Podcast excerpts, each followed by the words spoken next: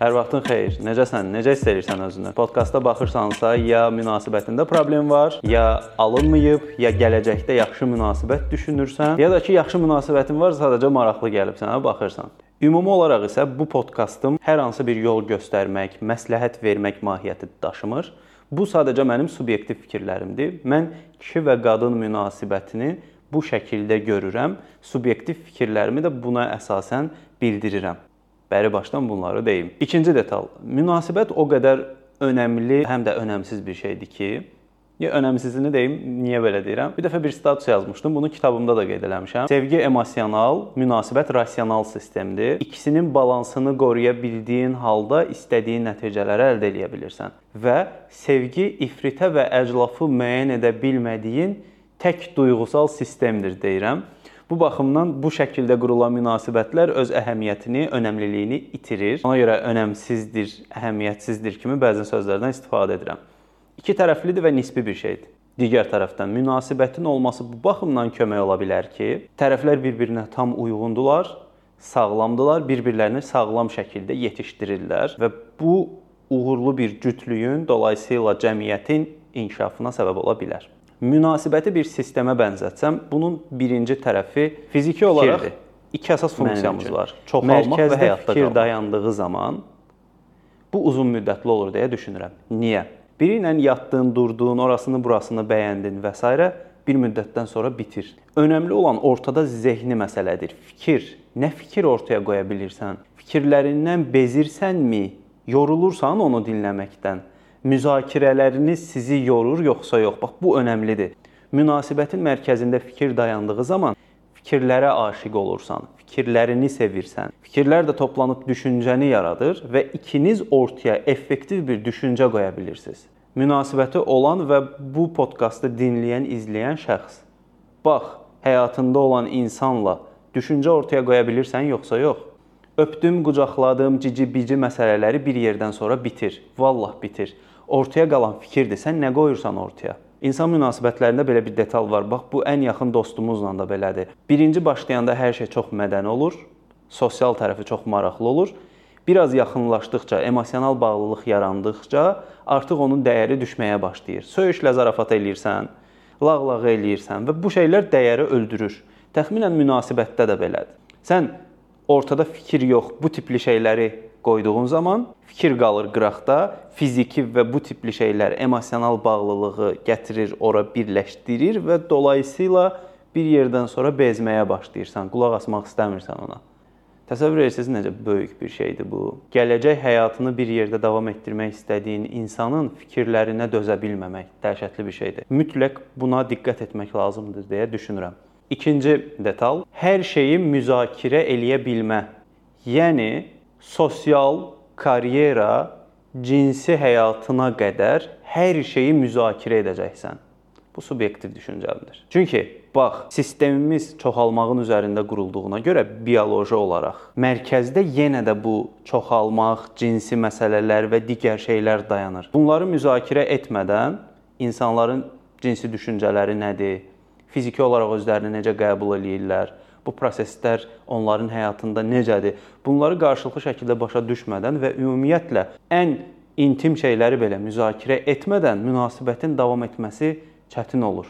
Kinder sürpriz kimi olur da başa düşmürsən. Tuta da bilər, tutmaya da bilər. Tutdusa əla.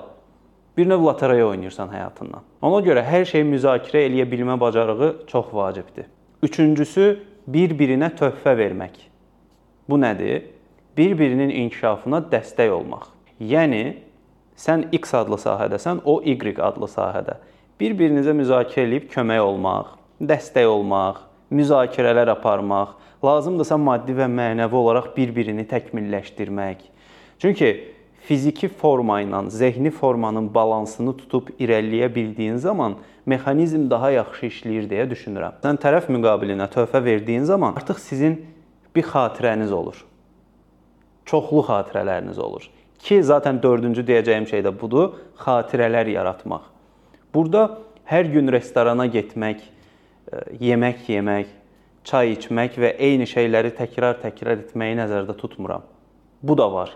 Amma əlavə olaraq fərqli şeylər etmək, təbiətdə olmaq, velosiped sürmək, skuter ola bilər, dəniz kənarı, dağa dırmaşmaq. Yəni bu dünyada zövq ala biləcəyimiz və özəlliklə də pulun üzərində çox da dayanmayan, daha çox mənəviyyatla əlaqəli olan xatirələrin yaradılması münasibətin daha uzun müddətdə davam etməsinə səbəb olur deyə düşünürəm. Bax, əgər ayrılmısansa bilərsən nə deyirəm? Xatirələrin nə qədər çoxdursa, ondan uzaqlaşmaq, tək qalmaq, sakitləşmək biraz çətin olur. Dolayısıyla xatirələr nə qədər yaxşıdırsa, keyfiyyətlidirsə, münasibət də o qədər keyfiyyətli olur deyə düşünürəm. 5-ci önəmli olan detal tərəflərin sərbəst olması. Bu fikrim yanlış anlaşılmasın. Sərbəstlik istədiyin hər şeyi etmək azadlığı deyil bir-birinə uyğun şəkildə istədiyin hər şeyi etmək azadlığıdır. Yəni mənə yazmadı, niyə yazmadı, görəsən kimdəndir? Yəni bu tipli şeylər türk filmlərində, Azərbaycan seriallarında və s. olur. Belə yox, olmamalıdır.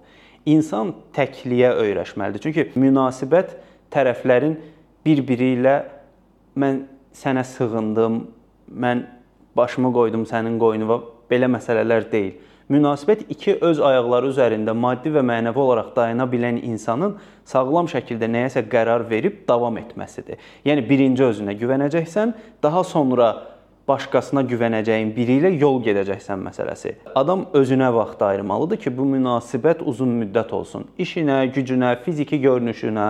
Mənə görə ən böyük yanlışlıqlardan biri sənin qarşıdakı şəxsə görə özünü qurban verməyindir. Mən onun üçün özümü fəda elədim, qurban verdim. Niyə belə elədim axı?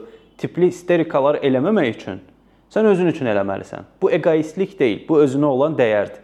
Egoistlik qarşıdakı şəxsi əzərək özünü üstün görməkdir.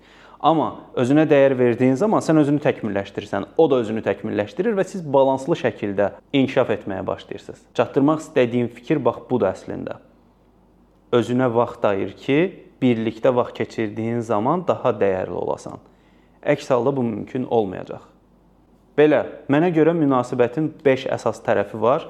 Digər şeylər də, yəni sənin də ağlına gələ biləcək bütün şeylər münasibətə aiddir. Mənə görə isə bu 5 əsas detal olmazsa olmazdı. Bunları tamamlaya bildiyin zaman mexanizm uzun müddətli, davamlı və istədiyimiz kimi işləyir deyə düşünürəm. Sən necə düşünürsən? Fikirlərini yaz. Dinlədiyinə görə də təşəkkür edirəm, izlədiyinə görə də təşəkkür edirəm. Növbəti podkastda görüşərik. Hələlik.